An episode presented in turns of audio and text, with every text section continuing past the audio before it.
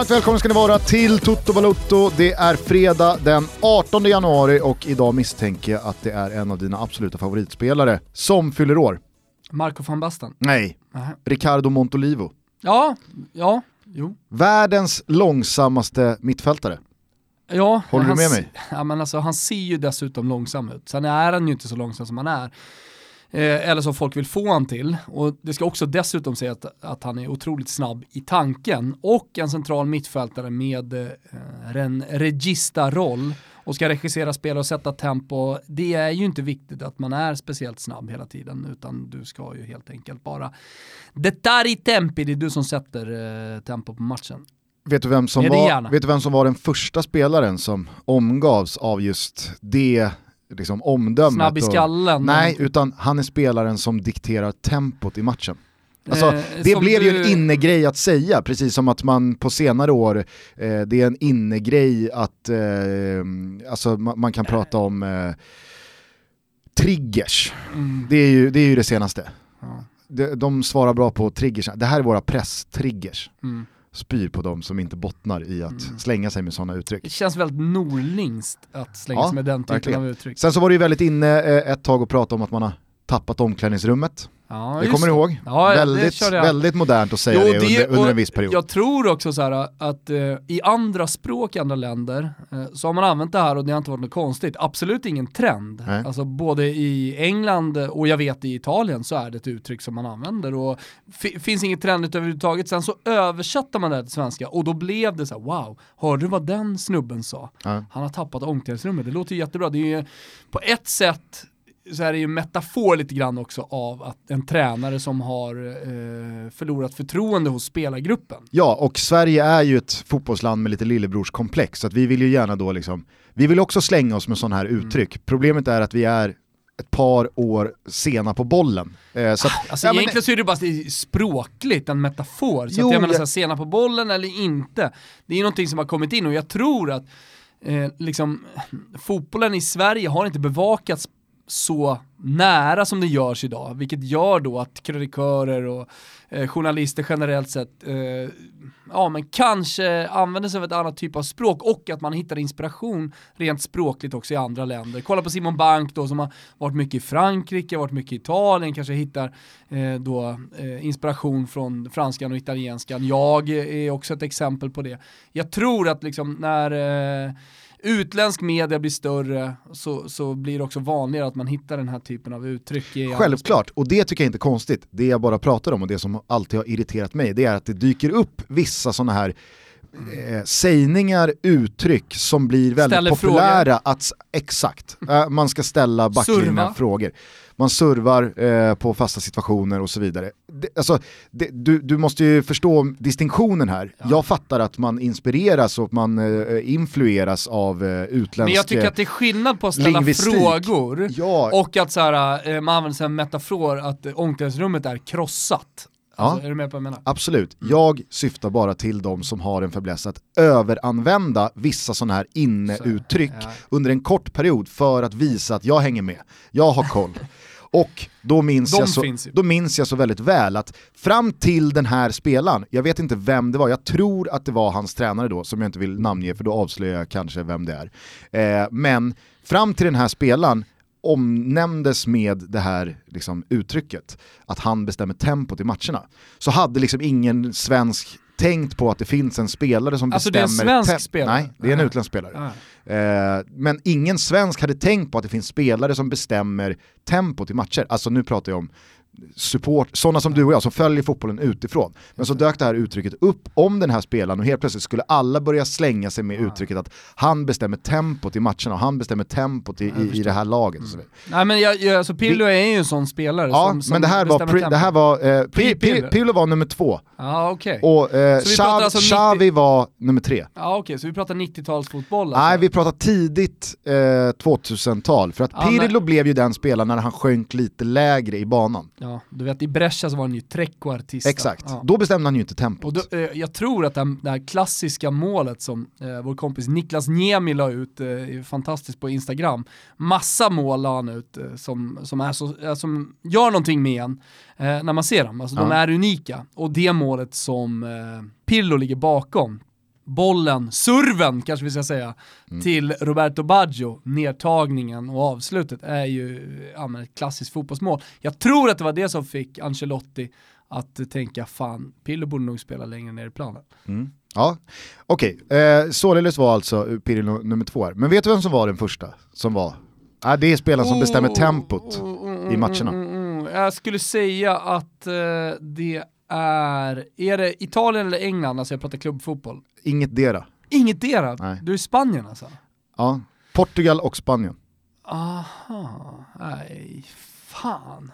Nej, jag vet inte. Deco. Ah!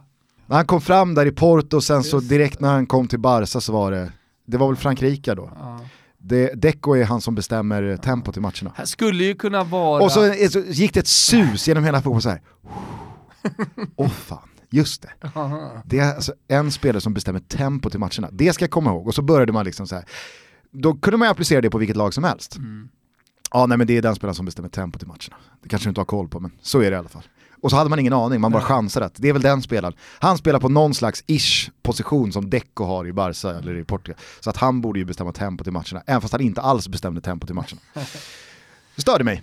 Ja det förstår jag, det förstår jag. Vart var vi? Jo, vi var på vi? Riccardo Montolivo. Eh, Ja. Han har ju i många år figurerat i Milan. Det har ju aldrig riktigt hänt för vare sig Montolivo eller Milan under de här är många åren. spelare som har kommit till Milan som man kanske har trott på i något läge men som inte då har tagit eh, sig till nästa nivå eller för all del lyft Milan när man kommit dit. Men visst är jag inte snett på det när jag säger att han var en hörnsten i ett av dina liksom, favorit Mm. Fiorentina-lag. Ja, ja, absolut. Och han var också helt fantastisk eh, eh, i slutet eh, på Prandelli-eran. Eh, Han, han var bra från början men han, han var fantastisk eh, framförallt när vi eh, höll på slut Bayern München, alltså det Champions League-året, hans bortamatch mot Liverpool, eh, båda matcherna mot Bayern München, åttondelsfinalen. Hela ligan egentligen det året så var han otroligt bra. Du fick väl en tröja av Albin Ekdal Yes. som hade tagit eh, Montolivos tröja och gett till dig? Ja det stämmer, jag har den Fick, hemma. fick du en klump i halsen och Ja var lite. fåordig? Ja men lite, jag har inte tvättat den än men jag tränar den några gånger. Alltså jag är inte en sån här person som eh, sätter upp den. Jag vet att eh, han som vann Ponne-tröjan i Musikhjälpen eh, tävlingen, han skulle sätta upp den på väggen och hade då eh, en, ja men litet tjafs med tjejen hemma. Så här, ska, ska vi verkligen sätta upp en fotbollströja på väggen? Jag kan tänka mig att det är en sån diskussion som du skulle kunna ha med Rebecca. Nej. Att så här, Nej nej. nej du skulle inte ens gå in där, men jag du skulle, jag skulle inte sätta upp en tröja på väggen. Mm, nej, okej då. Fast låt oss säga att du har en villa. Ja, du har, ni har massa extra rum, du kanske vill göra ett fotbollsrum, vad fan vet jag. Du skulle kunna hamna i en sån situation i alla fall där du ska sätta upp, kanske inte en tröja men någonting annat. Eh, så jag, är jag då inte personen som sätter upp Montolivo-tröjan på väggen utan jag använder den ju. Så jag spelar i den och svettas i exakt samma tröja som eh, Ricardo Montolivo har svettats i och det känns på något sätt eh, härligt. Eh, det är väl eh, kappa, Det är Lite- Lotto. Lotto, men ändå lite så här kappa tight modell va? Ja, det, men alla tröjor nu för tiden är ju på något sätt lite ta- tajta. Jag tänker bara att du och Magen Montolivo är väl syns inte... mer eller mindre, ja, oavsett vilken tröja jag har på mig. Ja. Jag, jag, jag, jag, det är inte försöker bara föreställa, jag försöker bara föreställa mig i huvudet att Montolivos tajta lottotröja kan inte göras rättvisa när du Den, liksom den är inte så som trycker Leeds dig in i det är, där korvskinnet. men, men den är inte så tight som Leeds tröja som ska sitta som ett korvskinn. Det är fortfarande en eh, fotbollströja med någon slags luft i. Ja. Men eh, man ser magen, det gör man helt klart. Jag kan skicka en bild till dig sen om du vill se mer. Eh, grattis på födelsedagen i alla fall säger vi till Ricardo Montolivo, så säger vi också grattis till Bogdan Lobont, personlig favorit. La la la la la la la la la la la la La la la la la la la la la la la la! Man har ju en soft spot för de här eh, tredjekeeprarna som aldrig spelar. Jag vet att vi har pratat om det i ett tidigt Toto Balutta-avsnitt för länge sedan. Om de här liksom, reservkeeprarna som eh, har gjort en karriär att bara flytta runt och spela kanske, ja, de gör en eller två matcher per säsong och that's it. Men det, det sjuka är att han var ju riktigt bra i Fiorentina och när han spelade i Roma så var han ju faktiskt bra. Ja, och han var ju alltså dunderfavorit Ja. hos eh, alla supportrar. Ja. Så att, eh, Och som du hör, även, fick en egen ramsa även i Fio. Så att, Mm. Han är väl eh, kvar tror jag i eh, Romas stab. Det skulle jag också gissa på, senast Mm. jag kollade så var han det i alla fall. Eh, Morgan DeSantis fick ju också en deppig eh, roll som lagledare. Den som bokar hotellen. Ja, Ja, usch. Usch. Eh, hörru du, eh, det är ju eh, silly season-tider. Vi pratade ju en hel del eh, i senaste avsnittet om det. har inte spelats jättemycket matcher sedan dess. Det har spelats fransk ligafotboll. Mm. Eh, jag tänkte bara stanna till Nej. vid eh, ett lag som faktiskt fascinerar mig och som vi har lyft eh, på ett negativt sätt under den här säsongen och det är Olympique Marseille. Mm. Eh, de har nu alltså inte vunnit en fotbollsmatch sedan den 25 november, snart två månader. Eh, man åkte ut med huvudet före ur Europa League-gruppspelet och då var man alltså där som regerande finalister torskade mot Atletico Madrid i våras. Man har ett lag som alltså, det är Mandanda i mål, det är Luis Gustavo, det är Dimitri Payet, det är Kevin Stråtman som hämtades in från eh, Roma. Det är ändå satsning sportsligt. Ja men man har Sakai på ytterbacken, eh, visst man har eh, Mitroglou där uppe och det, det är såklart inte något plus. Men alltså att det här laget kämpar så hårt och är så jävla klappkassa och inte ser ut att få någon slags ordning på det här. Nu hänger ju Rudi Garcia ordentligt löst, jag läste i morse att Dimitri Payet eh, nog lär eh, casha ut i, i Asien istället för att eh, stanna med Marseille. Man eh, står och trampar eh, i eh, tabellen och ser sig passerade av lag efter mm. lag. Alltså det, det, du nämnde väl sist här också att eh, Balotelli har, har ryktats in. Eh, det, det, alltså, det, ja, han, han ska till och med vara nära. Så, så, ska frälsaren vara Mario Balotelli? Ja, men det, alltså, så här, jag tänker att de vill ha garanti, eller hur? Ja. ja. Och jag menar, jag kan ju, jag kan ju tycka Balotelli att Balotelli är eh, någon slags garanti, men det är han ju inte om man ska vara helt ärlig. Nej med sig själv. Verkligen. Det, är, ja, det, är väl det kan till och med jag vara. Det är väl eh, liksom eh, Beppe Rossi. Det, det, är det närmsta garanti man kan komma. Ja. Som tränar med United nu. Ja, han det uppmärksammade du här i dagarna, ja. var väldigt... Nu sägs det att, eh, att eh, Tottenham ska vara intresserade av eh, Pepito, alltså Giuseppe Rossi. Nu när Kane då är skadad i två månader mm. och kanske då spela, vad vet jag, Rossi, Llorente, jag har ingen aning. Men det är roligt, jag menar en spelare som inte ens har plockats av de sämsta Serie A-klubbarna. För jag menar, de, borde, de vet ju om att Giuseppe Rossi finns. Jag menar, engelsmännen tänker ju inte på att Giuseppe Rossi finns. Men hur då en veckas träning med Manchester United kan få en spelare att helt plötsligt bli aktuell. Jag menar för nu är surret igång och jag är helt övertygad om att klubbar helt plötsligt kommer börja titta på honom. Och så ser man vad han har gjort innan. Det är ju en fantastisk fotbollsspelare när han är hel så att säga. Eh, men nu har han inte spelat fotboll på så länge och ja, man måste ifrågasätta, kommer han att förbli hel? Så man vill inte satsa för mycket. Men det kommer han ju inte. Äh, alltså... det, jag har ju alltid någon slags här romantisk förhoppning om att fan det finns två riktigt bra år kvar i Giuseppe Rossi som ändå är 87 bara. Lätt i kroppen eh, och allting, alltså det är ingen tung spelare. Nej.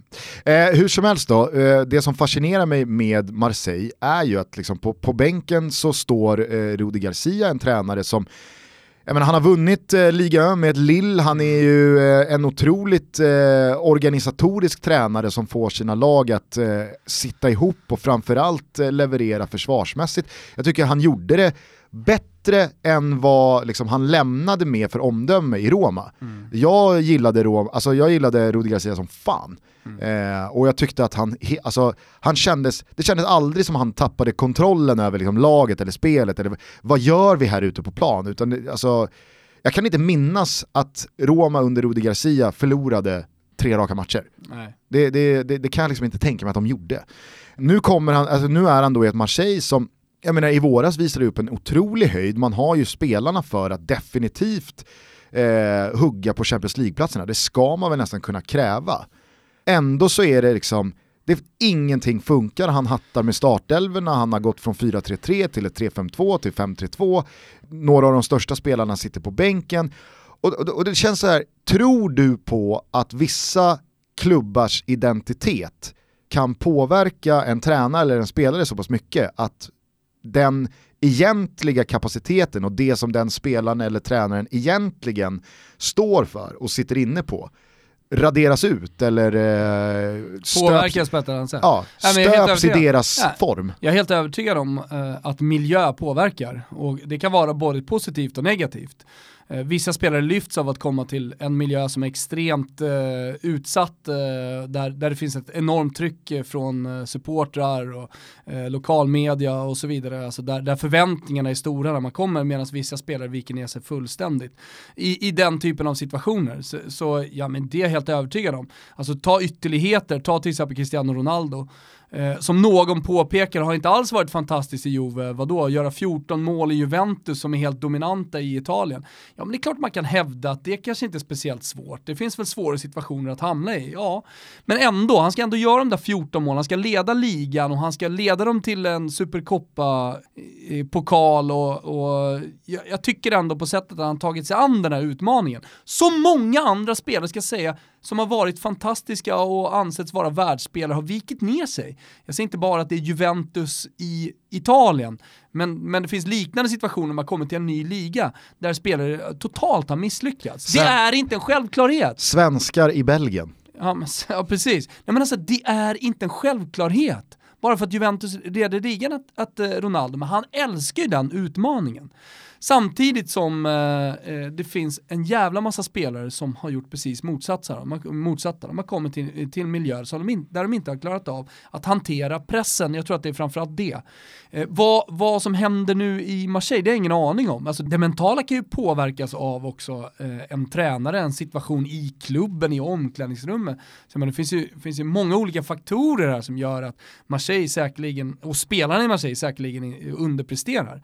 Men en sak som jag verkligen verkligen tänker på eh, i det här, som du nämnde Stråtman, eh, så är det situationen liksom Roma, Stråtman, Marseille.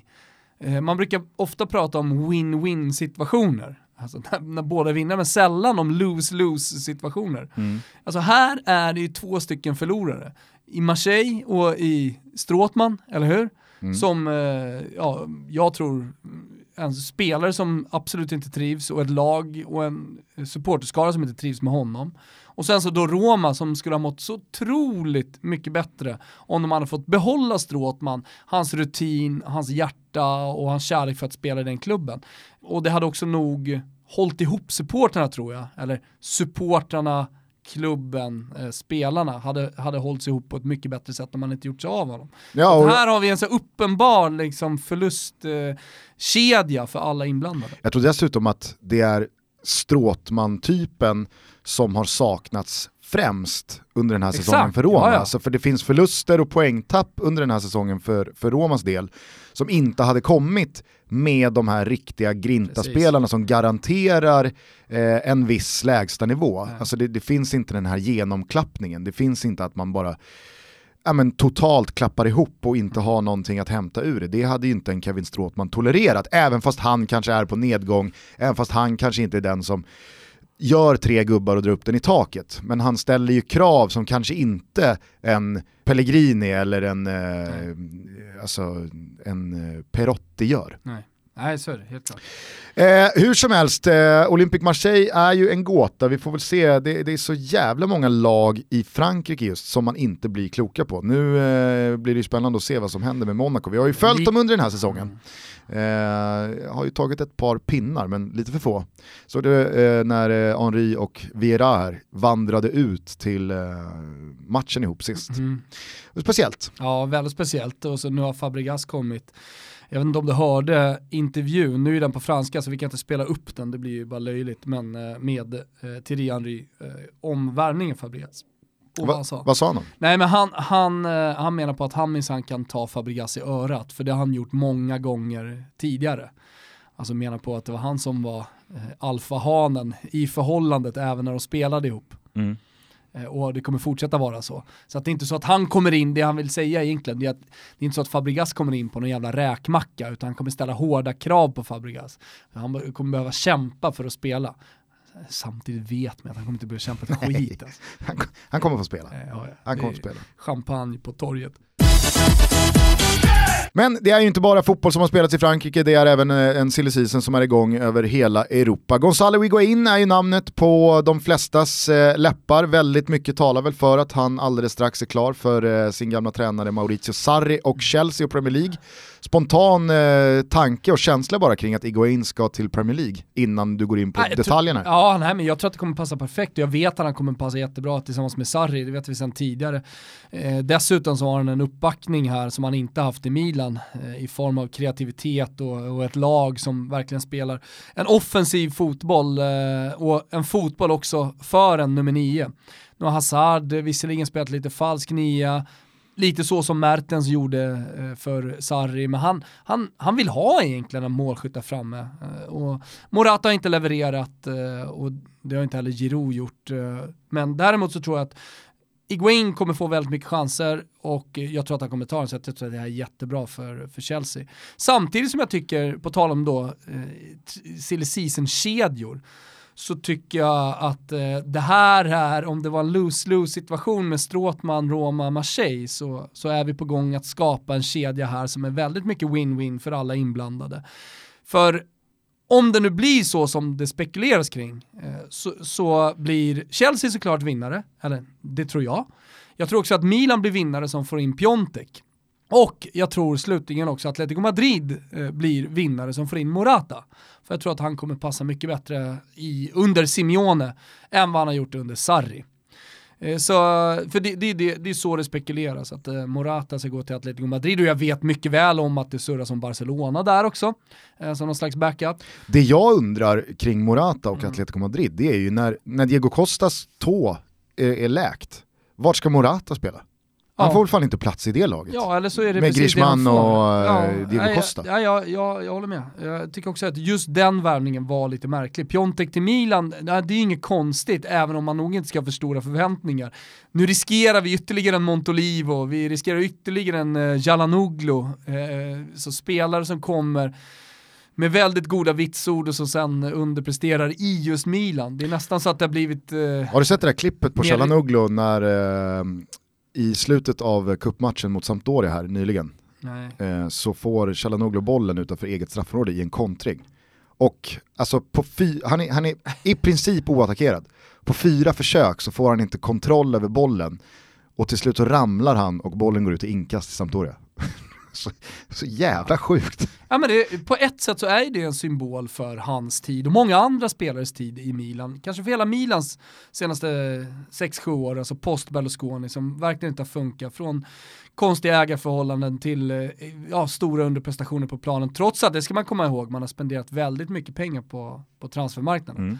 Men eh, fått ut väldigt lite av de spelarna som man faktiskt har tagit in. De har ju gått mer på kvantitet än kvalitet Jo, det är alltså, känslan kring Milans senaste tre år, att man har värvat många spelare. Ja. Snarare än att jo, nu lägger vi som... riktigt mycket pengar på två spelare. Ja men många spelare som man har trott på. Så här. Sen har man haft otur med Andrea Conti till exempel som var den, den spelaren under det här fönstret man la två miljarder, som man kanske trodde mest på som ung framtidsspelare som åkte på ett par korsband och som fortfarande inte är i spel och man vet inte riktigt hur framtiden ser ut där. Men också sådana redan etablerade spelare som man ändå ska ha förväntningar på. Okej, okay, jag vet att det är många som inte trodde på Chalanoglu-värvningen, men ändå. Eh, den typen av lirare. Eh, det, det, jag ska säga i alla fall med Iguain, eh, det var Tancredi som skrev den här tweeten, eh, men om man nu vill spy lite på samtiden eh, och på då den moderna fotbollen, mm. Eh, så fick man det i kvadrat under Supercoppa-matchen med Iguain då som huvudperson. för han vill ju då inte spela för han vill inte riskera att bli skadad eller han vill inte riskera att göra kanske mål då på Juventus så att de blir sura och inte skulle frälsa den här dealen med Chelsea eftersom de äger honom fortfarande. Eh, så han vägrade spela, man då tror på ryktena, i en match som spelas i en arabstat där kvinnor fortfarande bara är eh, accepterade på en viss läktarsession. Eh, och, ja, men du vet, det finns så mycket mer den här matchen, Supercoppa, vad är det för jävla titel egentligen? Spelas i mitten på januari som sagt, eh, och så då en spelare som inte som inte vill spela på grund av att han är på väg till Chelsea. Va, va ha, när han sitter där på bänken, vad är det för tröja han har på sig egentligen? Mm. Är det Juventus tröja? Ja, det kan man ju hävda till viss del. Han ägs är av det Juventus. Chelsea? Ja, jo, jo, ja men precis, han ägs av Juventus. Ja. Och jag menar, hans framtid är ju fortfarande i Juventus händer. Ja, men är det med Chelseas tröja? Jo, det är där han vill spela, det är dit han är på väg, det är under Sarri han ska göra det vår. Så man kan hävda att det är, det är den tröjan han har på sig, samtidigt som att, fan nu är han i Milan. Hoppar han in i den här matchen, vilket han gör, då gör han det med Milan-tröjan. Så det är tre olika tröjor som han då slits emellan här. Mm. Och det gör ju då att uh, man kräks lite på fotbollen. Ja, verkligen. När inte ens spelaren själv vet vilket lag han representerar. Precis. Men eh, vad, vad, vad landar det här i tror du för, eh, för det är väl en transfer? Ja, alltså lån. Juventus, ja, det är ett lån med köpoption då, det brukar det alltid vara när italienska alltså, klubbar är inblandade. Om jag ska vara helt ärlig så har jag följt allt det här, men jag har inte följt i detalj exakt hur det här kommer se ut och jag tror inte man vet det heller. Och vi kommer inte veta det, även om ryktena säger att det är ett lån med köpoption till exempel. Så, ja, visst kan det bli så. Men, eh, och det är väl kanske mest troliga, men det skulle nog kunna bli ett köp också. Jag vet inte. Mm. Jag, vet, så här, jag, jag ska inte spela Juventus igen. Nej, och det är därför det är konstigt, menar, att, Juventus... ja, det är konstigt tycker jag, mm. att Juventus, alltså, jag, jag, förstår att absolut att det finns ingen framtid för Iguain i Juventus. Nej men sälj honom då. då. Ja. Alltså varför håller man på och lånar ut honom? Och... Men du får ju pengar också. Alltså så här, i slutändan, Juventus har koll på finanserna. Självklart har de det, men alltså, oavsett om de har det eller inte så säger det sig självt att de kan ju inte sälja, alltså, han går ju ner i pris för varje halvår som går. Mm. Kanske han gör, jag vet inte. Eller som har satt ett pris i någon slags klausul redan också. Så att, eh, men, men, men jag tror hur som helst att hela den här kedjan borde bli en slags win-win-win för, för alla inblandade. Och det är väldigt sällan man ser sådana här kedjor faktiskt eh, eh kedjas ihop höll jag på att säga, men alltså att cirkeln sluts i slutändan och att alla de här uh, övergångarna faktiskt blir av. Eh, så det ska bli intressant att se om de blir det. Mm. Det, det, det, det, det är ofta det pratas om att du vet, eh, någon slags dominobricka, det ena leder till det andra. Men hur mycket man då diskuterar i samma rum, det vet jag inte. Men jag misstänker i alla fall att det finns någon slags liksom, storbord som alla samlas kring här i klubbarna. Ja. Och, och försöker få till det här timingmässigt. Och man har inte så jättelång tid på sig, eller vi är bara ett par veckor bort till deadline, inte ens. Vi får väl se huruvida det blir win, win eller lose, lose eller win, lose eller hur det nu landar mellan West Ham, Norrköping och eh, Sead Haksabanovic. Han är i alla fall klar för Norrköping och jag tycker att eh, man måste börja i den sportsliga ändan. För även fast eh, jag och jag tror väldigt många andra inte har sett speciellt mycket av Haksabanovic det senaste året eh, så var ju det här en spelare som lämnade svensk fotboll och Halmstad eh, när han hade imponerat oerhört mycket. Han fick ju dessutom spela en del i början i, i lite ligacupsammanhang och FA-cupsammanhang vill jag minnas. Mm. Eh, han har ju en enorm potential, jag tyckte han var otrolig redan på Örjansvall. Eh, så att, att han kommer här nu efter att ha tränat i eh, Premier League-miljö och med de erfarenheterna rikare, fortfarande i en ung ålder, användbar spelare på flera positioner till ett Norrköping som bevisligen har varit en väldigt, väldigt bra eh, vist för eh, unga offensiva kreativa spelare som inte bara är uppvuxna i Pekingled utan dessutom har kommit utifrån och fått blomstra. Alltså, jag, jag, jag, måste säga att jag är väldigt imponerad över Norrköpings fönster här, som dessutom plockar hem Totte Nyman. Det var väl typ eh, Transfer Sveriges sämst bevarade hemlighet. Eh, men ändå, vilket jävla lag de håller på att sätta ihop. Ja, och så med de spelarna som man faktiskt har, okej, okay, man har tappat i defensiven, eh, självklart, och det vet alla om. Men med det laget som man har, med Guden på kanten och med de här två spelarna, får Totte Nyman vara skadefri, ja men då gör ju han 15-20 mål såklart. Och får Haxa, Haksabanovic den utvecklingen som du och många tror på, ja men då kommer ju Peking såklart vara med och slåss om ett guld, oavsett hur bra de andra går. Ja, så, så finns det ett pass... Eh, tvåmanna mittfält som mer eller mindre är landslagsaktuella i Fransson och Simon Tern, ja. eh, som jag tyckte i matchen mot AIK. Ja, om man, får, om man får tro statistiken på Wikipedia så spelar ju både Fransson och eh, Tern i A-landslaget. ja, Fransson går ju att argumentera för att han har ju i alla fall varit där jo. i det riktiga A-landslaget. Ja. Men enligt eh. statistiken så gör ju Tern, gjorde ju Tern eh, A-landslag. Ja. Och sen är det, väl inte, det är väl inte fel att säga heller att den spelaren som lämnade Qatar med bäst aktie, det var väl Simon Tern.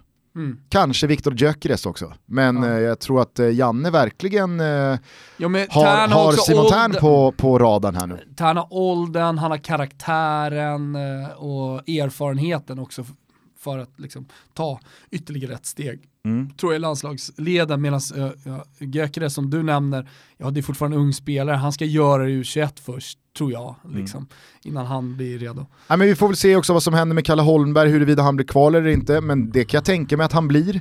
Eh, dessutom finns Simon Skrabb i laget, så att jag menar, alltså Norrköping har ju just nu på pappret ett lag som... Eh, Kul att vi inte ens jag- nämner sparkapitalet där, Jordan Larsson.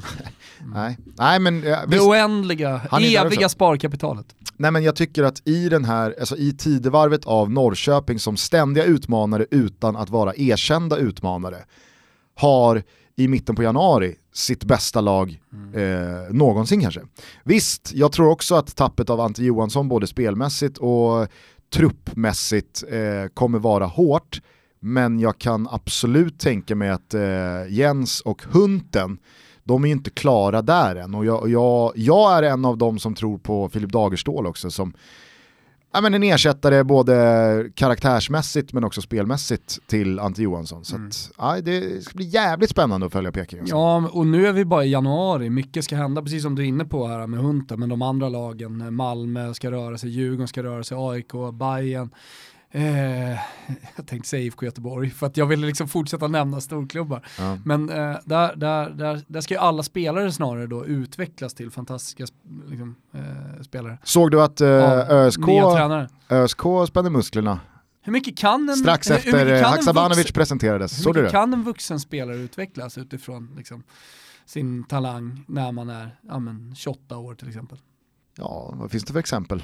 En fotbollsfilosofisk fråga. Det, det är klart man kan utvecklas. Det, det På inte svensk det. nivå eller?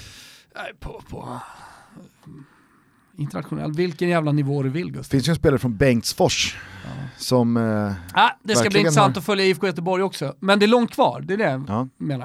eh, nej men såg du att eh, Örebro också spände musklerna Ja. igår? De värvar en U17-spelare va? Ja, Jag tyckte- P17-landslagsman. Nu Det- händer det. Man förstår Gusten varför du var nominerad till Guldstjärnan i årets eh, Ja. eh, sociala medier. Eh, Årets bästa på sociala medier, eller hur löd? Ja, så, var, så, var, Ja. Så var priset. Vad rolig tweet. Ja, nej, men jag, jag, gick ut i vänsterfilm med helljusen på. jag tyckte var, alltså, de borde legat lågt med en sån värvning samma dag som Norrköping plockar Haksabanovic. Framför näsan då på AIK måste man ju säga, de regerande mästarna har ju länkat samman med just Haksabanovic väldigt länge. Eh, nu blev det inte så att han gick dit utan han lämnar istället West Ham för Peking på ett, vad jag förstår, 18 månader långt lån.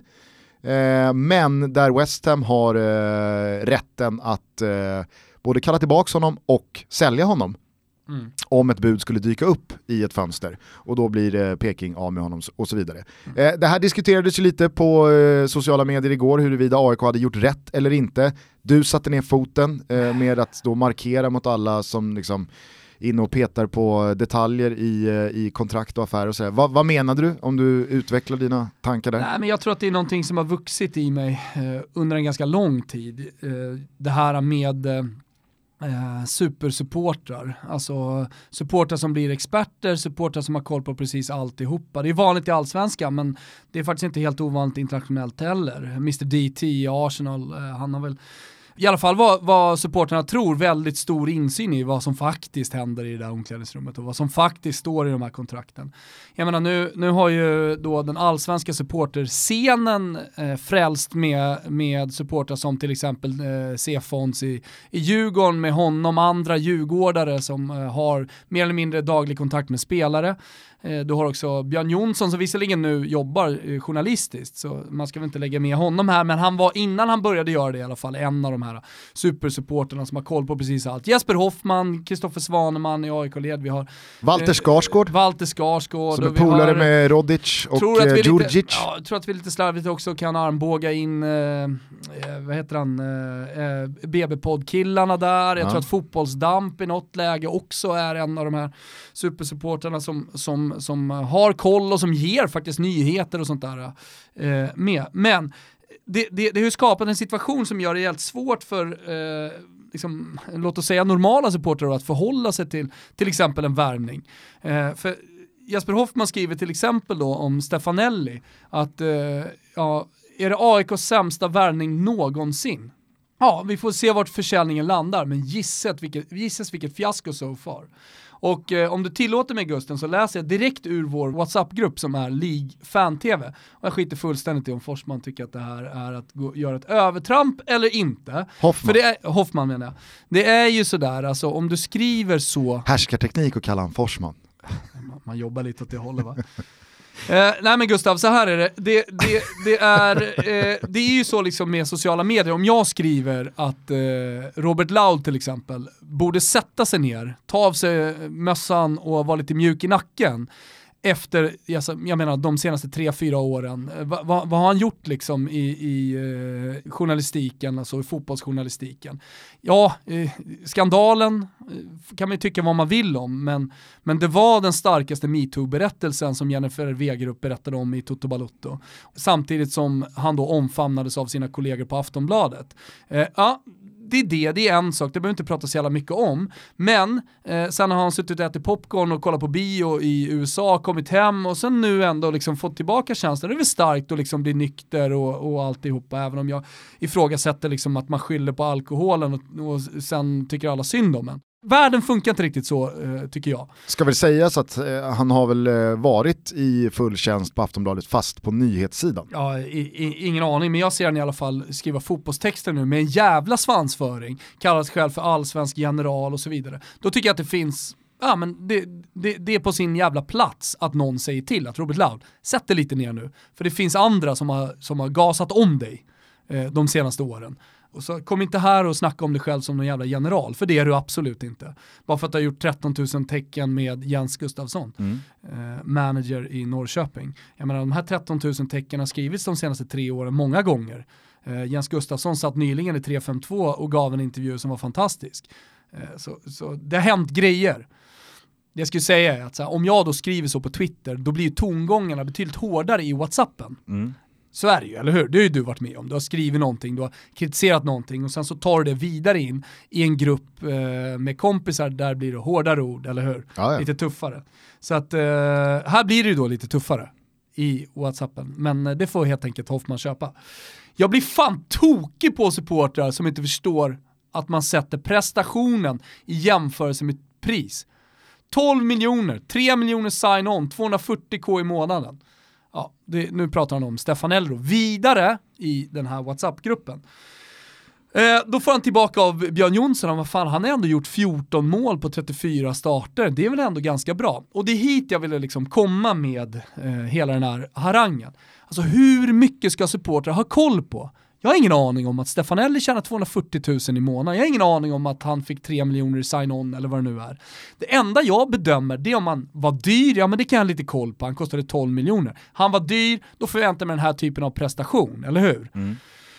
Thomas Brolin kom till Leeds, jättemycket pengar, underpresterade. Ja men där, såklart du måste sätta liksom, prestationen i relation till liksom, hur han presterar. Men säga, på vilken bara... jävla nivå ska vi göra det på? Det är det jag undrar. Hur stor koll ska vi ha på alla klausuler och på all ekonomi när vi ska bedöma en spelare? Mm. Jag måste bara säga, pigg, fräsch och aktuell jämförelse när du backar bandet till 95 när Brolin går till Leeds. Leeds, Leeds Brolin är alltid aktuell i den här typen av jämförelser. Det finns Mendieta till Lazio, där har en annan. Mm. Men jag vet att här, många snackar om Paul Pogba när han kom till Manchester United och man pratade om eh, att liksom, den här miljarden som han köpte som Fan idag är han värd 2,5 miljarder, eller var han värd 2 miljarder? är du liksom ute med macheten här på elitistspåret? Eller? Nej, för, för jag menar, om machet nu eller inte, jag ställer mig frågan hur ska, hur ska en vanlig supporter förhålla sig till ja. värvningar? Hur bra koll måste man ha för att kunna bedöma en värvning? Vad landar du i för svar? Ha, nej men det är det, jag ställer ju frågan rakt ut. Ja. Alltså jag tycker personligen själv, men, men det, här är ju, det här får ju vara liksom subjektivt, att visst så ska du ha koll på om en spelare är dyr eller billig, men jag menar så här, ska du som i dealen till exempel med Haksabanovic med eh, med Norrköping, ska du ha koll på alla jävla klausuler? Du har ingen aning. Jag menar så här, Svanemark har hört någonting om vad det är för typ av klausuler, eller Daniel Kristoffersson kan ha hört något och göra en bedömning utifrån det. Eller hur? Ja. Men, men det är inte hundraprocentig koll. Här någonstans, det, det jag landar i är att man måste någonstans ha respekt för yrkesmännen här. För Hunt i det här läget att han har koll på Norrköpings ekonomi. Är du med? Och att han gör saker för Norrköpings För bästa. Norrköpings bästa. Att man, säg att Norrköping skulle vinna guld i år och att Haksabanovic sen går gratis tillbaka till West Ham. Man får inte en spänn. Och det visar sig att han har tjänat 80 000 i månaden och att resten av lönen har betalat för West Ham. Och att han har varit då en, en kugge. Sätt ett pris på det här SM-guldet, sätt ett pris på hans insats, på hans avgörande insats i SM-guldet för Norrköping. Vad är det värt? För i slutändan som fotbollssupporter, om jag ska vara helt ärlig, så skit i ekonomin. Alltså jag- skiter i ekonomin till den milda grad att bara vi inte går i konkurs, bara vi har koll på den, så vill jag ha de sportsliga resultaten. Och där har du ju blivit så- bränd. Snarare tvärtom så vill jag att AIK, jag vill att Fiorentina, jag vill att de anstränger sig i det yttersta. Alltså de anstränger ekonomin så jävla långt det bara går för att man ska kunna värva till sig så mycket sportslig kompetens som möjligt så att man kan faktiskt kanske gå och vinna titlar i slutändan. Så, så är jag som supporter. Som Norrköping nu har liksom ansträngt sig jävligt mycket för att få till sig den här spelaren. Om man nu litar på Hunt, vilket jag tror att många Norrköpingssupportrar gör, och som jag tycker att allsvenska fotbollssupportrar överlag och till andra klubbar ska göra, för att han har uppenbarligen visat att han sitter inne på en enorm jävla kompetens och eh, fingertoppskänsla vad det gäller eh, liksom fotbollsspelare rent eh, talangmässigt och kvalitetsmässigt. Så, så tycker, jag, eh, tycker jag att alla borde sätta sig lite ner och, och inte vara de här eh, eh, liksom supporterexperterna. Alltså det, det, det handlar inte om att man inte ska diskutera en värvning. Jag förstår såklart Svanemar när han, när han menar på att så här, det här är inte AIKs strategi. Nej, det håller jag med om. Och för AIKs del så kanske det här inte liksom var, det, det är inte den här röda tråden vi går efter. Men på samma sätt som jag litar på Björn Westström så litar jag på Hunter att han har koll på liksom, deras strategi. Så att ja, AIK tog honom inte, bra gjort av Hunten, inget underbetyg till Björn Westström, han har säkert andra, han har koll på andra spelare och det här var inte rätt för dem. Men jag stör mig på de som verkligen liksom går emot och har åsikter utifrån som jag ser i alla fall, jävligt dålig kunskap om vilka klausuler som verkligen finns i det här kontraktet. Mm, Eller jag, jag, inte finns. jag tycker att du, du för eh, två lite olika resonemang här, alltså, eh, som går att separera från varandra. Jag håller med dig i, i det du säger kring detaljkunskap i varför klubbar väljer att värva vissa spelare och varför andra drar sig ur. Och, Jo men och- och- det är två olika spår men Ja, ja. de hänger ihop. Men för att svara på din första då fråga, så här, vad ska en supporter ha koll på? Där, där måste jag ju då eh, på ett sätt ta Hoffman i försvar, för om det nu är så att han av en eller andra anledningar vet om eh, siffrorna kring Stefanelli,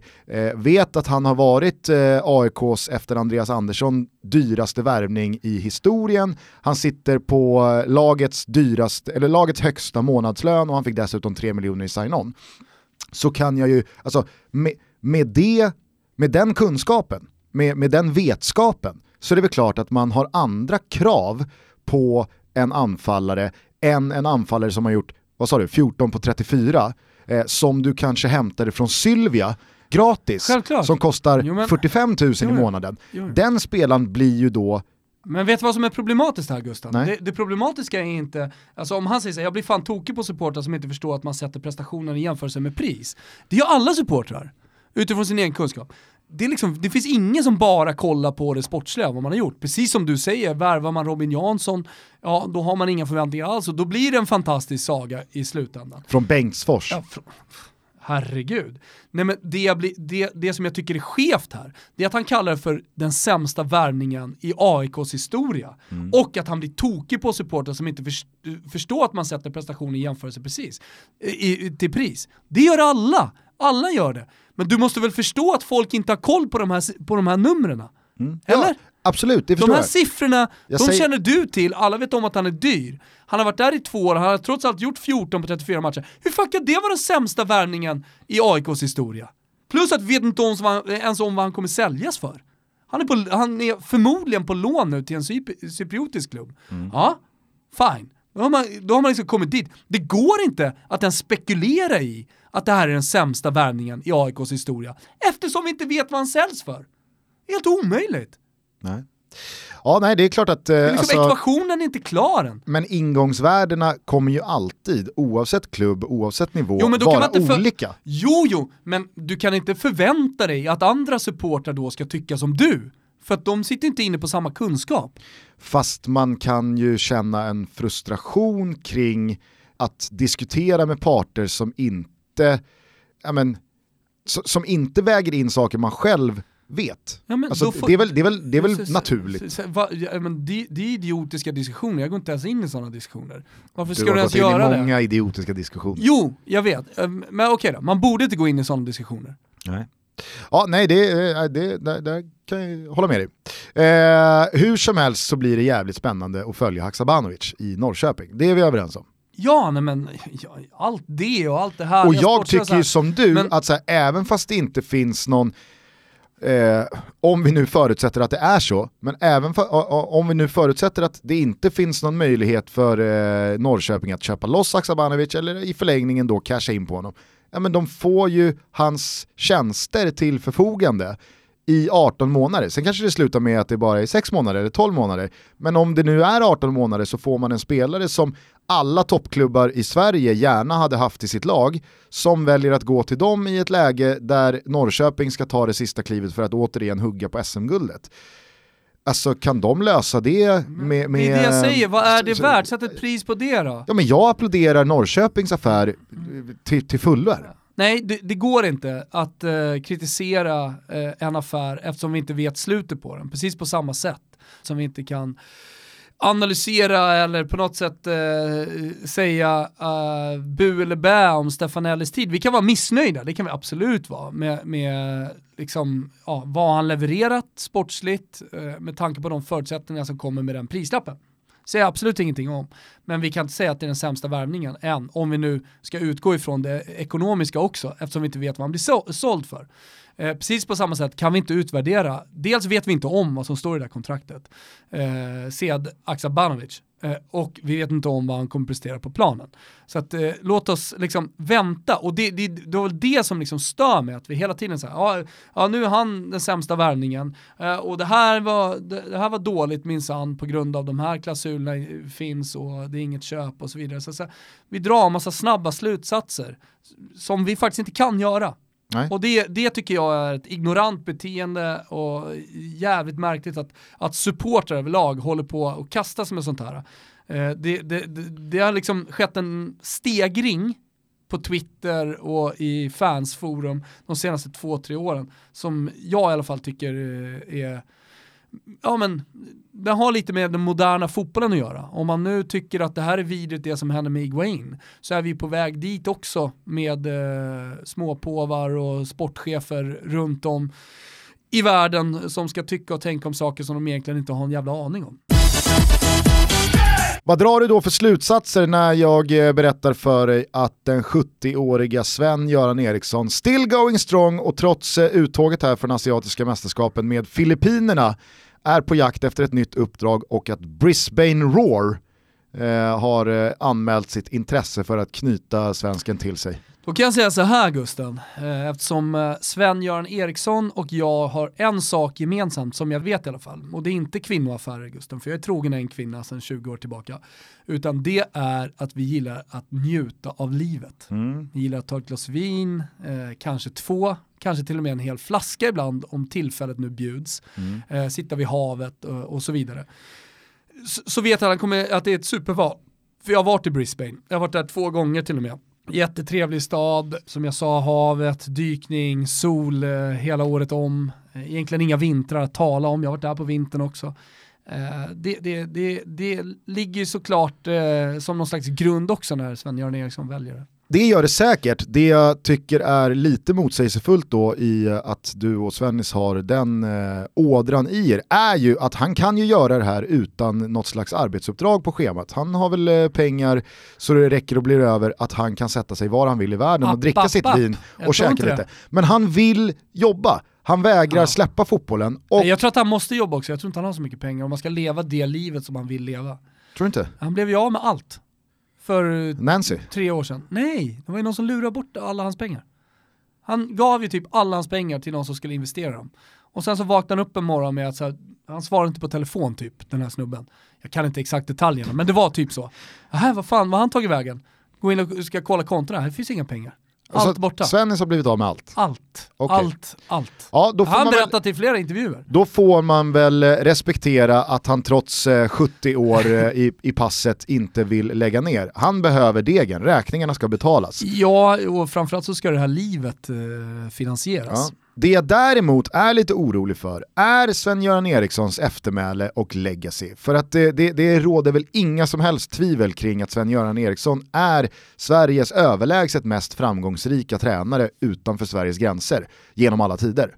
Alltså här pratar vi om en tränare som har tagit Benfica till eh, enorma framgångar. Han har eh, haft Sampdoria, han har vunnit Serie A med Lazio, han har eh, lett det engelska landslaget. Eh, det blev sen Mexiko eh, innan eh, han för eh, knappt tio år sedan eh, landade eh, Elfenbenskusten till eh, VM 2010 och sen så tog han Leicester en säsong. Och det var där någonstans det började vända. Mm. För nu så har alltså Sven-Göran Eriksson eh, på sina, eh, om vi räknar in Brisbane Roar här, på sina sex senaste uppdrag betat av då. Leicester, där det gick åt eh, skogen. Guangzhou, jag ska eh, villigt erkänna att jag har inte detaljkoll på exakt hur det gick. Men visst är inte känslan att det lyftes massa troféer och pokaler va? Nej. Det gick lite sådär. Ja. Eh, Guangzhou blev Shanghai SIPG. Och, och, och, jag, jag fortsätter gå på magkänsla och volley här, att eh, det, det blev ju inget uppsving och att oj, fan Svennis, eh, han kan än. He still got it. Nu ska han tillbaka till de stora scenerna. Istället så kuskade han vidare till Shenzhen och nu har jag helt tappat vart man ens är i för land. Eh, efter ett eh, kort eh, arbetslöst eh, uppehåll så tog han alltså över eh, Filippinernas landslag. Eh, Bara över asiatiska mästerskapen, så det är över det, precis. Ja, eh, och nu då, då så snackas det om Brisbane Roar. Det som ändå förvånar mig, eller förvånar mig, men Brisbane Roar, det, det verkar inte vara någon strykpåse Nej. i australiensisk eh, högsta ligafotboll, utan de har ändå tre ligatitlar, den senaste 2014. Så det, det, det är inget eh, lag som verkar tänka att oj, Sven-Göran Eriksson, one, once, once upon a time så var han eh, stor. Eh, det är kul att ta hit honom. Lex då liksom eh, 38-åriga anfallare till Gulfländerna eller Mm. eh, att man tar eh, de, de stora spelarna för 25 år sedan till J-League i Japan bara för att det är namn. Utan det här verkar ju vara en klubb med ambitioner, ändå vänder de sig till en 70-årig Sven-Göran Eriksson. Eller därför vänder de sig till en 70-årig Fast det kan Sven-Göran inte vara så. Eriksson. Det kan inte vara så. Är det månne så att Brisbane är Australiens svar på IFK Norrköping? Vad... Ambitioner, eh, man hade något guld här nyligen sa du? Ja, fem år sedan. Ja, fem år sedan. Ja, okej, det var lite nyligen. Ja, Ja, jag vet inte. Ja, otroligt svag parallell, Ja, eh, måste jag säga. Det finns, Ja. finns ingenting Nej. som talar för att Brisbane skulle vara eh, Norrköping. I och med att, Östkust, båda östkust. där satt den. Ja. Ja. Men, alltså, Norrköping är väl snarare i andra änden av spektrat vad gäller demografi. Alltså det är mycket ungt, det är mycket liksom, vi vill inte vända oss eh, åt de stora, Jag tunga, etablerade namnen. Utan, Klubbens eh, liksom, storlek i landet och det som du nu beskriver. ja, jag fascineras i alla fall över att dels eh, att eh, Svennis då tuggar på, men nu kanske du har gett svar på att det finns en ekonomisk anledning till varför han helt enkelt inte bara kan dra sig tillbaka. Han har i alla fall sagt så själv. Men jag tycker också att det är lite synd när en tränare med så enormt fint CV som Svennis hade fram till och med för tio år sedan håller på att liksom smutsa ner det. Eller? Ja, alltså, jag tror att den tiden också är förbi, vi har kommit så långt. Alltså, det kanske var på tal om spaningar och trender. Fast eh, hade Svennis lagt av för tidigare. tio år sedan så hade ju Fast- liksom du och jag idag, vi hade om tio år framåt, så hade man ju minst Sven-Göran Eriksson som så här otrolig. Otrolig. Han gjorde det han gjorde med Blåvitt, han nådde Varför, framgångar. varför kan vi inte fortfarande tycka det då? För att det är inte, det är inte konstigt och jag, jag, jag, alltså så här, jag säger inte att det här smutsar ner det han gjorde under 30 år pre det senaste decenniet. Men eh, liksom sma- eftersmaken och det blandas ju ihop till lite så här, ja det började jävligt bra med förrätten och, varmrätten var otrolig men efterrätten Samtid- smakade skit så att du går ju därifrån och tänker att ja den där restaurangen, ah, det var sådär. Ja, fa- fa- Fast samtidigt så här, det, det, Sven-Göran Eriksson 70 år som, som tränar, vad fan han nu vill träna för att få ihop eh, de pengar som han vill ha. inte det här. Det är klart han vill. klart han, vem fan vill inte bo i Brisbane? Ja, Vem vill inte tjäna, säg att han tjänar 3 miljoner på det här. Jo men hade, hade, tjäna 3 Svennis miljoner? fått, hade Svennis fått välja så Nej. hade han väl för fan tagit Nej, men andra alltså, lag än de kolla här på de senaste intervjuerna med honom så, så, så ser man en hunger fortfarande. Sen, ja, men, jag, jag förstår inte vad som är negativt med det. Jag, jag, jag kan liksom inte se en enda grej som är negativt. Jag, jag köper inte din parallell med förrätt och efterrätt, eh, eller din metafor överhuvudtaget. Alltså så här, han har gjort det han har gjort och nu försöker han hålla sig kvar för att han älskar väl fortfarande att träna. Jag tycker det, tycker det ja, men, eh, snarare tyder på att eh, som jag sa, det finns en jävla hunger fortfarande och att han brinner för otroligt mycket, men de jobben han får, han hade nog gärna tränat eh, Arsenal liksom. Ja, det är klart han hade gjort. Men, men det, det, det är här han får jobb. Mm. Och det är det bästa han kan få, och då, då kör han på vidare med det. Jag tycker att det finns en charm i det. Snart. Fast hade det inte nu enligt dig då funnits det här ekonomiska spåret så hade ju hungern varit mer charmig.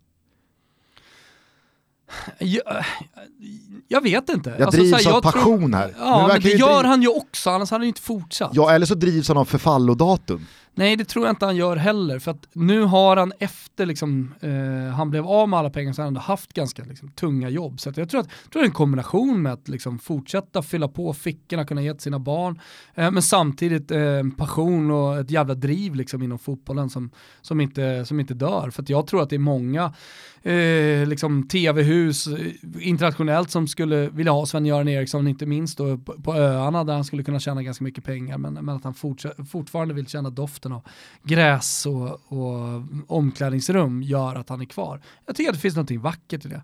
Men eh, låt säga då att eh, liksom, eh, gillar folk som också, så här, fan vill du tjäna pengar, kör. Det, det är ofta, ofta när man pratar om den moderna fotbollen så blir det liksom att så här, pengar är smutsigt.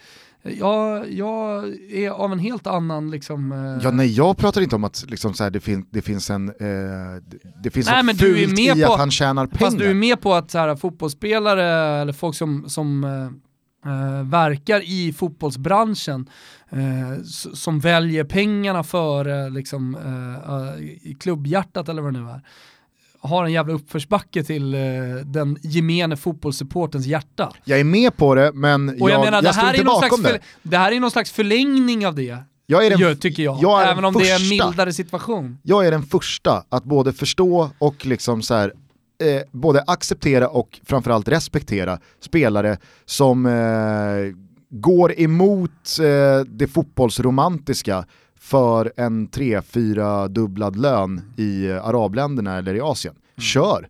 Vad fan, det, det är ju ditt liv, det är, alltså, det är din karriär, du gör väl precis det du vill. Och, vill, och, och värderar du eh, att eh, ha, ha lite mer pengar på hög än att eh, spela i eh, den här mycket mer respekterade och uppade klubben eller spela de där matcherna. Det är ju ditt val. Fan kan någon annan gå in och peta i det liksom? Eh, Jag, alltså, det har jag inga problem med. Och hade du så här, Men vad är problemet med Svennis då? Jag, jag, jag, tycker tycker, att det- inte du sätter fingret riktigt på vad du menar. Jag Alltså, tycker att det är fattar- tråkigt att Svennis fick, eller får, nu vet jag fan hur länge han kommer hålla igång.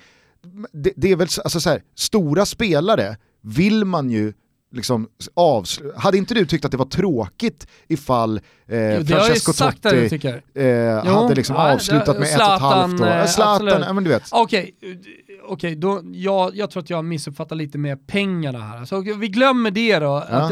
Okej, men då tycker jag inte det är samma sak med tränare och med spelare. Det är inte lika starkt. Jag tycker inte det. Okej, ja. Nej. ja. men jag kan ändå tycka det här- att det, det, här är, det här är en man och en tränare framförallt som har kanske inte stått på toppen av världen. Men han var ju, oh! han var ju en otroligt, Oh, han, har vunnit, otroligt, han har vunnit eh, den italienska ligan när den italienska ligan var den bästa ligan i världen, så då har man stått ja, på toppen Och han har spöat Tyskland borta med 5-1 med England och... Ja, ja. Nej, han, har, han har absolut stått på toppen av världen. Mm. Det Ja, ja, men då så. Då, då har han gjort det.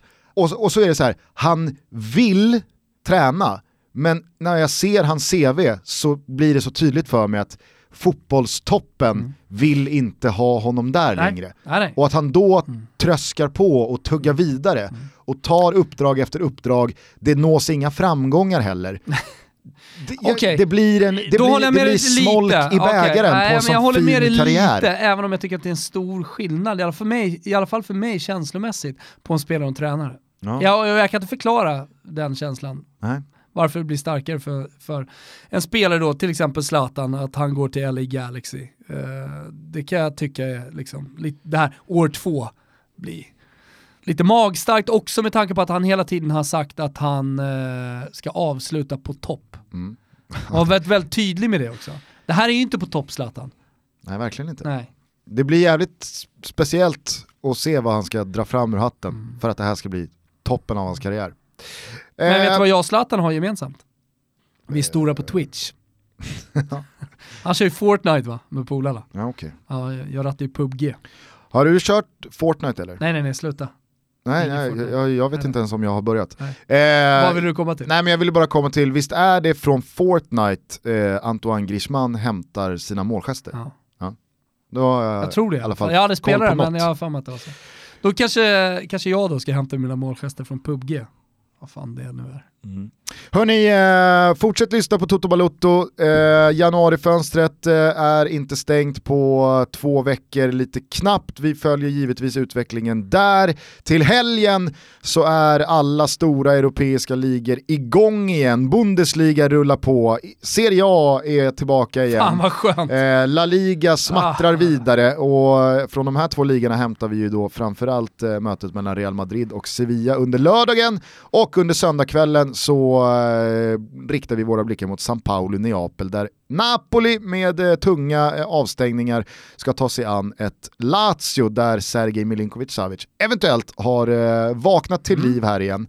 Eh, de här matcherna ser ni såklart via Strive, man tecknar ett abonnemang eh, på strivesports.com eller i appen som finns där appar finns. Viktigt att säga där också att man kan testa en månad för 79 spänn. Exakt. Och man kan dessutom testa en vecka Gratis. gratis.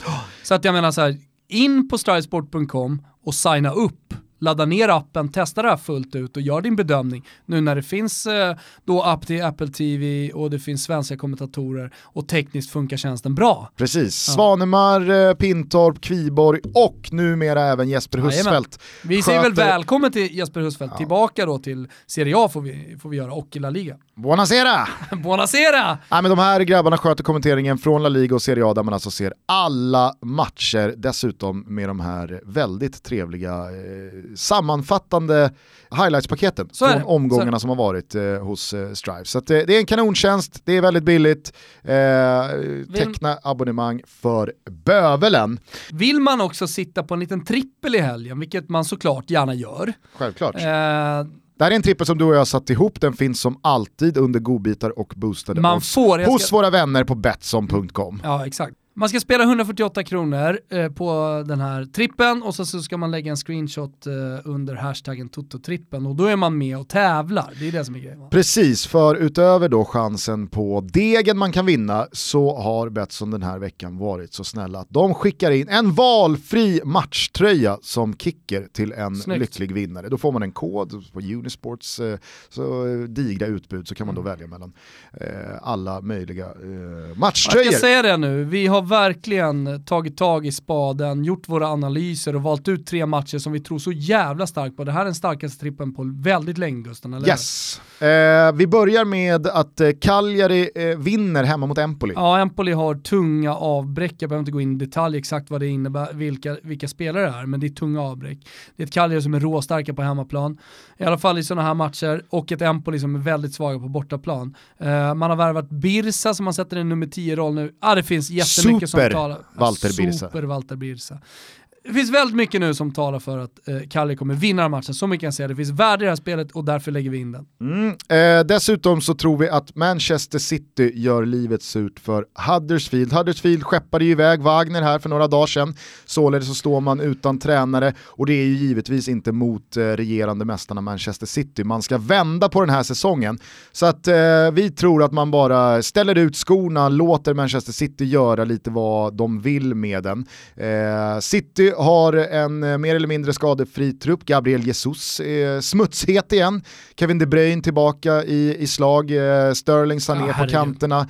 Det här kommer smattra vidare. Dessutom så har man ju ingenting att tänka på i ligacupsemifinalen nästa vecka i och med att man leder med 9-0 mot eh, Burton. Så att City kommer göra över 2,5 mål mot Huddersfield. Ja, verkligen. Det tror vi starkt på. Och slutligen då, den matchen som du var inne på, som man gärna kollar på, såklart sitter man även på den här trippen då.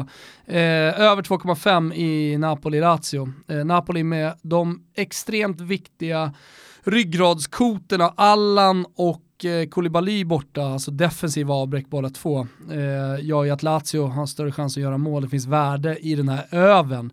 Eh, det blir tre mål.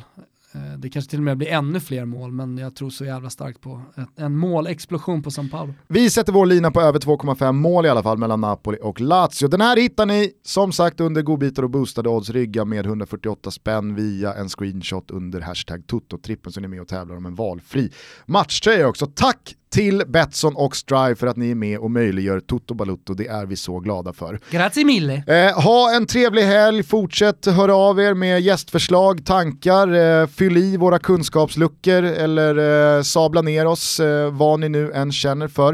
Eh, vi hörs i alla fall igen nästa vecka, förhoppningsvis med en eh, trevlig liten gäst. Mm. Det är ju eh, alltid vi hade, en på, vi hade en på gång den här veckan, men eh, det var utomlandssemestrar och allt möjligt. Det är ju svårt att få tag på sportjournalister just så här års. Mm. Många drar iväg. Inte vi. När fotbollen vilar. Inte vi. Men inte vi. Toto Balotto rullar alltid på, det vet ni om hörni. Tack för att ni lyssnar. Ciao tutti. Ciao tutti. Germany England is off and underway in the Olympic Stadium in Munich. Come on England, let's get straight away and away from the grid in top gear. Sven, Sven, Sven, Goran Eriksson Jimmy Savile Zeka, so where'd he get a lovely girlfriend? He tried so many players for the Holland game. Yeah, how do you forget Collymore? The say is insane. Michael Owen levels it up for England on 12 minutes in Munich. What a start to the season for Michael Owen! Sven, Sven, Sven Goran Eriksson. He's a lovely geezer, but don't forget that he's from Sweden there's Michael Owen and Heskey, that's his pal. We should shave off Seaman's dash and cut his ponytail. Seaman, Seaman, Seaman, your hair is in a right old state. All you need is a Mark 1 escort and a sovereign ring, mate. What a Wally David looks, his hair will have to go Cause he's a cross between Buck Reynolds and Peter Stringfellow Gerard from range, powers the shot What a goal, Stephen Gerrard! Oh, it was brilliant! Steven Gerrard, the future of England football. Rudy, Rudy, Rudy, Rudy for life. Force bundle technique or something or other. Little Michael Owen, he put three past Ollie Cole, and Ollie must have cried his eyes out down the Autobahn. This is Owen, he's driven it in. What a start to the second half! Oh, this is birthday, Christmas, New Year's Eve,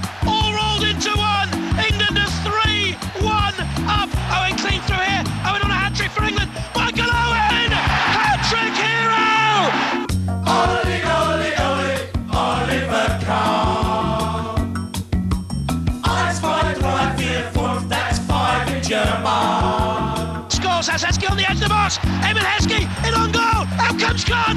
Heskey! England have gone nap in Munich. Germany won. England five. It's an absolute rout. Stephen Chair across the German line. Winston Churchill would be proud as he put up the victory sign. Stevie, Stevie, Stevie, Stevie Gerrard. My man, cause he is well off. Play that children with a jelly bags when